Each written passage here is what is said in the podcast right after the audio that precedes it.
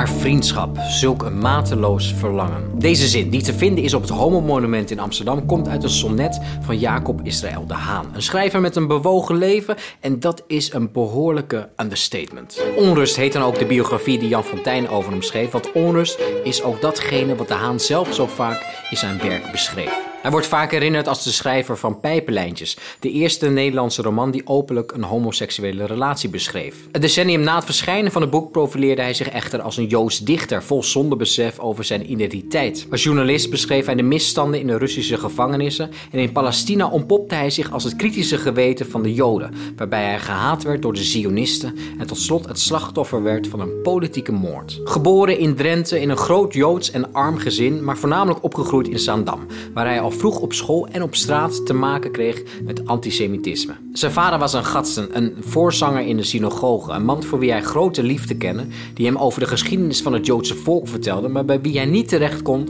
om over zijn gevoelens voor mannen te praten. Een gezin met nog een literaire grootheid. Schrijfster Connie van Brugge was de één jaar oudere zus van Jacob. Op de kweekschool in Haarlem werd de vlam voor de literatuur aangestoken en dweepte hij met het werk van de tachtigers. Zijn grote voorbeeld werd Frederik van Ede, die als een echte fan brieven begon te schrijven. En als een verliefde puber stuurde hij hem ook gedichten. Wilt gij mijn God zijn en mijn vader tevens? Mijn hoogste eik, mag ik het klim opwezen dat om uw stam vertouwen slaat zijn ranken en dan geen stormwind zo meer hoeft te vrezen. Van Ede nodigde de jonge Jacob uit op zijn socialistische kolonie Walden en er ontstond een vriendschap voor het leven. De Haan behaalde zijn diploma's en ging aan het werk als onderwijzer, onder andere in Amsterdam.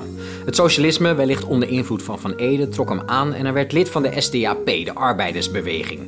Voor het Socialistische Dagblad Het Volk vulde hij een kinderrubriek met proza-schetsen. In 1904 volgde de publicatie van zijn debuutroman Pijpenlijntjes, die voor nogal wat ophef zorgde. Het was een sensatie binnen de Nederlandse literatuur. Het verhaal gaat over Sam en Joop, die in de arbeiderswijk De Pijp wonen. Een homoseksuele relatie, maar deze wordt op een kuise wijze beschreven. Nergens hebben ze seks.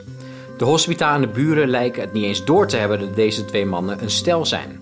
Of deze personages zijn naïef of ze willen het gewoon niet zien. Wat dat betreft zou je kunnen stellen dat het meest schokkende element van deze roman was dat De Haan een relatie tussen twee mannen als een vanzelfsprekendheid bracht. Het woord homoseksualiteit of het destijds gangbare uranisme wordt dan ook nergens genoemd. Willem Frederik Hermans beschreef Sam en Joop in de jaren 70 van de 20e eeuw als twee individuen die zich erbij neer hebben gelegd dat ze niet binnen de heersende zeden passen. Het hele verhaal dient zich aan op een toon alsof het volstrekt niet de eerste roman is waarin het loodzware taboe niet meer wordt erkend. De invloed van de tachtigers is merkbaar in pijpenlijntjes. Het verhaal heeft een naturalistische inslag met mooie neologismen als klaagpraten, gierpretten en huilfluisteren. Het zijn in principe scènes vol geklets in straattaal. Sam is vaak afwezig en als hij aanwezig is, gedraagt hij zich sadistisch. Zo vermoordt hij het hondje van de hospita. Opvallend is dus die kuise relatie tussen de twee. De enige seksuele handelingen die in het boek worden genoemd, zijn die tussen Joop en jongens, soms prostituees, die hij op straat oppikt. Wat een prachtjongen, wat was hij slank, fijn en sterk gespierd.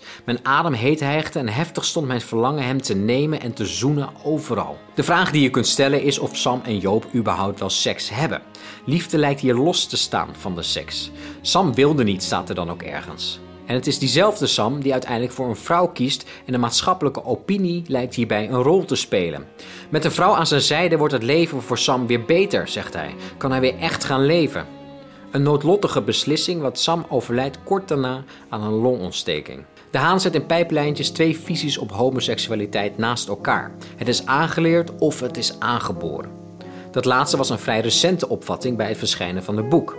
Met welke visie je kijkt bepaalt of je kunt spreken over een happy end in pijpenlijntjes. De homo blijft namelijk leven, alhoewel happy relatief is omdat de homo wel zijn geliefde heeft verloren. Na het verschijnen van het boek kreeg de Haan een golf van kritiek over zich heen. Niet alleen van de mensen die niets moesten hebben van homoseksualiteit, maar ook van bevriende homo's kreeg hij kritiek. Dat hij de homo zo negatief had afgeschilderd en een koppeling had gemaakt met sadisme en masochisme. En het bleef niet alleen bij kritiek. De Haan werd ontslagen op de school waar hij les gaf en ook bij het dagblad Het Volk moest hij opstappen. De Haan had het boek opgedragen aan Arnold Aletrino, een schrijvende arts, die zijn nek uitstak voor de homo's en verklaarde dat de homoseksualiteit is aangeboren en dat het gelijkwaardig is aan heteroseksualiteit. Maar diezelfde Aletrino schrok hevig toen hij zichzelf meende te herkennen in het personage Joop. Hij besloot daarom de gehele eerste druk op te kopen, zodat niemand het zou kunnen lezen. Een eigenschap die de Haan kenmerkte is dat hij elke aanval op zijn werk of leven pareerde met een tegenaanval.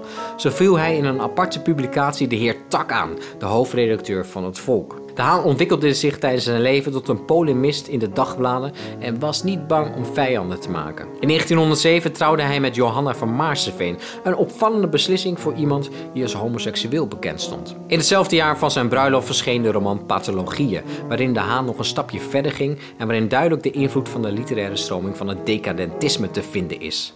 Het verval van de hoofdpersoon staat centraal.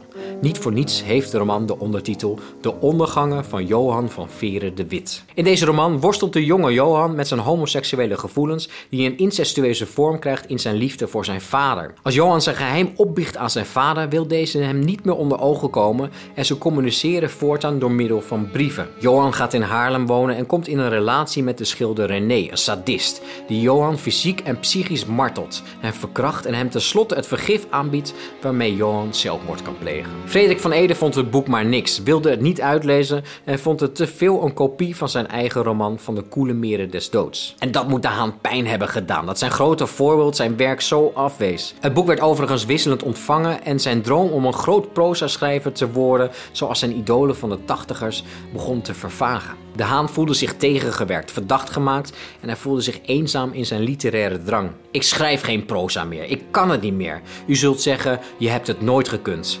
Misschien hebt u gelijk. Wie zal het rechten? De Haan ging zich voortaan richten op het schrijven van gedichten en concentreerde zich op zijn werk als jurist. Hij keerde terug naar het geloof uit zijn jeugd en deed dat direct in de hoogste versnelling. Hij sloot zich aan bij het Joods Nationaal Fonds, de Zionistische beweging die geld inzamelde voor het stichten van een Joodse staat. Terwijl de Haan zich ontpopte als dichter, werd hij zo ook de verkondiger van het Joodse gevoel met de bundel Het Joodse Lied als tastbaar bewijs naar de buitenwereld. Ik dwaalde graag door ijdel schoon bekoord, ijdel mijn lied, totdat mijn hart verstond dat ik dichter van mijn trots volk moet zijn. In zijn gedichten uit de Haan een bewustzijn van zonde en schuld voor zijn erotische verlangens naar mannen. Het is een thematiek die hij zijn leven lang zal blijven behouden. Verlangens die uitmonden in eenzaamheid, zoals in het volgende fragment uit de gedichtenbundel Het Joodse Lied, het tweede boek. Laat mij dan zonder mijn zonen eenzaam. Haat niet, smaad niet, spaar mijn hart, troost en spot. Ben ik verloren, het lied is mij gemeenzaam en geen dichter is verlaten van God. Ondertussen is er dan al een wereldoorlog voorbij gegaan.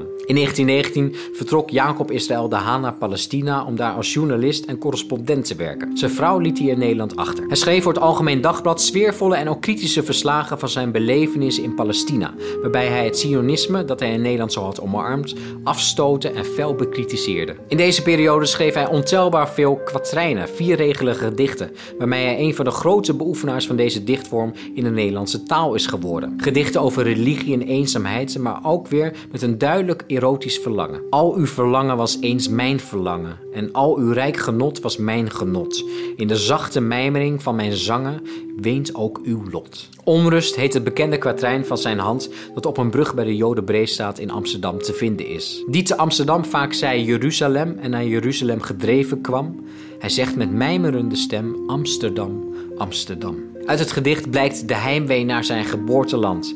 In Palestina werd hij gehaat door de Zionisten, geboycott door studenten die hij les gaf en uiteindelijk kreeg hij zelfs doodsbedreigingen. Hij werd door de Zionisten als een verrader van het Joodse volk gezien, omdat hij kritisch was en bevriend was met Arabieren en ook op bezoek ging bij hooggeplaatste Arabieren en emirs. Maar de Haan koos geen kant, behalve die van hemzelf.